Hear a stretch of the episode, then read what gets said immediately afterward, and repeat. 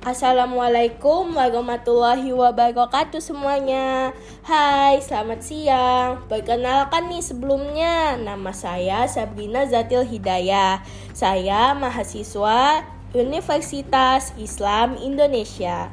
Saya dari kelas Islam Ulil Albab C pada kesempatan kali ini, di sini saya ingin berbagi info yang menarik nih tentang bagaimana sih cara kita untuk merefleksikan ulil albab dalam kehidupan sehari-hari kita. Kira-kira kalian tahu nggak sih apa yang dimaksud sama insan ulil albab itu? Nah, kalau kalian belum tahu dan kalian ingin tahu, sini aku mau ajak dan mau kasih tahu kalian beberapa info dan beberapa ilmu yang menarik nih tentang bagaimana sih cara kita untuk merefleksikan ulil albab dalam kehidupan sehari-hari kita. Sebelum kita merefleksikannya, kita harus tahu dulu nih makna dari ulil albab itu sendiri. Nah, menurut Quran Surah Ali Imran ayat 190 dan 191 yang artinya Sesungguhnya, dalam penciptaan langit dan bumi dan pergantian malam dan siang, terdapat tanda-tanda kebesaran Allah bagi orang yang berakal, yaitu orang-orang yang mengingat Allah sambil berdiri, duduk, atau dalam keadaan berbaring. Dan mereka memikirkan tentang penciptaan langit dan bumi, seraya berkata, Ya Tuhan kami, tidaklah Engkau menciptakan semua ini sia-sia, Maha suci engkau, lindungilah kami dari azab neraka. Dari dua ayat tersebut, kita dapat simpulkan nih bahwa definisi ulil albab itu mereka yang mengingat Allah baik saat mereka sedang berdiri, saat mereka duduk, maupun saat mereka rebahan. Dan mereka yang selalu berpikir dalam penciptaan Allah yang di mana tentang bagaimana Allah menciptakan langit dan bumi, dan dalam berpikir itu mereka bisa menyimpulkan bahwa yang Allah ciptakan semua ini tidak ada yang sia-sia, tidak ada yang tidak berguna, dan tidak ada satupun yang diciptakan itu tidak bermanfaat. Ayat ini bercerita tentang ulil albab. Ketika ayat ini ditafsirkan dalam tafsir Ibnu Qasim bahwa ulil albab itu mereka yang berpikir terkait dengan kecintaan Allah di langit dan di bumi.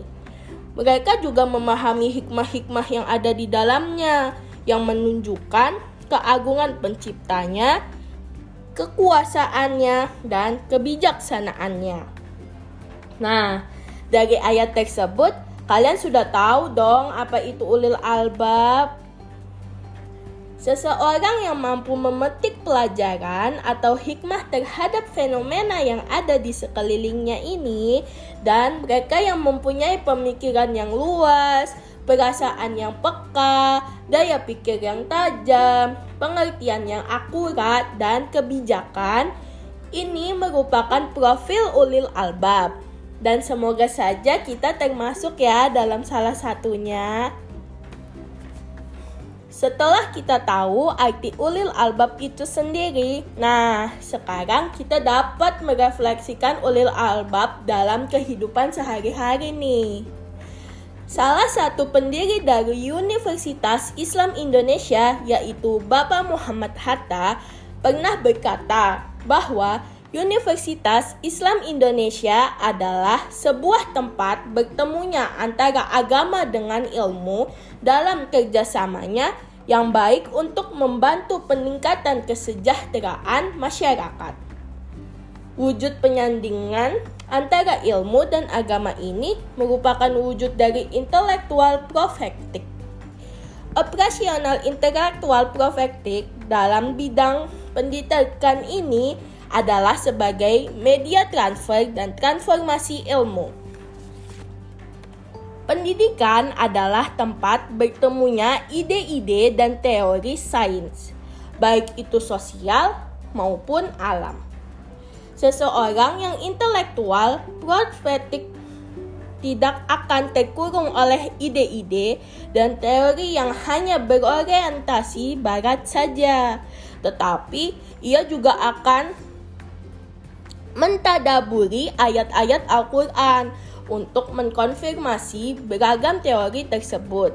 Contohnya saja teori proses perkembangan manusia, teori penciptaan alam semesta, teori lingkungan hidup, sastra, fisika, psikologi, dan yang lainnya. Al-Quran ini harus ditafsirkan secara kontekstual dengan pengkajian yang mendalam. Dengan demikian, produk pendidikan yang dihasilkan bukanlah produk yang mendekatkan segala hal yang bersumber dari barat, sekaligus menumbuhkan kebanggaan baginya untuk mencintai Islam. Agenda ini juga bisa dikatakan sebagai islamisasi ilmu, di mana ilmu itu harus dipandang secara teologis. Dalam hak dalam hal makan dan minum, secara intelektual mereka akan memilih makanan dan minuman yang bergizi dan makanan dan minuman yang baik untuk kesehatan mereka. Dan secara profektif, mereka akan memilih makanan dan minuman yang halal dan tidak lupa berdoa terlebih dahulu seperti yang telah diajarkan Islam. Dan dalam konteks seni sendiri, ini tidak hanya menghadirkan keindahan bagi yang melihat saja, tetapi juga semakin menggugah pembuat dan peminatnya untuk semakin dekat pada Sang Pencipta. Jadi, merefleksikan ulil albab ini tidak hanya dapat kita terapkan pada bidang pendidikan saja, namun bisa juga kita terapkan pada Al-Quran dalam hal makan dan minum dan dalam konteks seni. Nah, sampai sini dulu ya pembahasan kita kali ini. Dan terima kasih untuk semuanya yang telah mendengarkan podcast ini dari awal hingga akhir. Saya harap kita akan bertemu lagi di lain kesempatan berikutnya. Mohon maaf jika ada salah kata. Sekian, wassalamualaikum warahmatullahi wabarakatuh.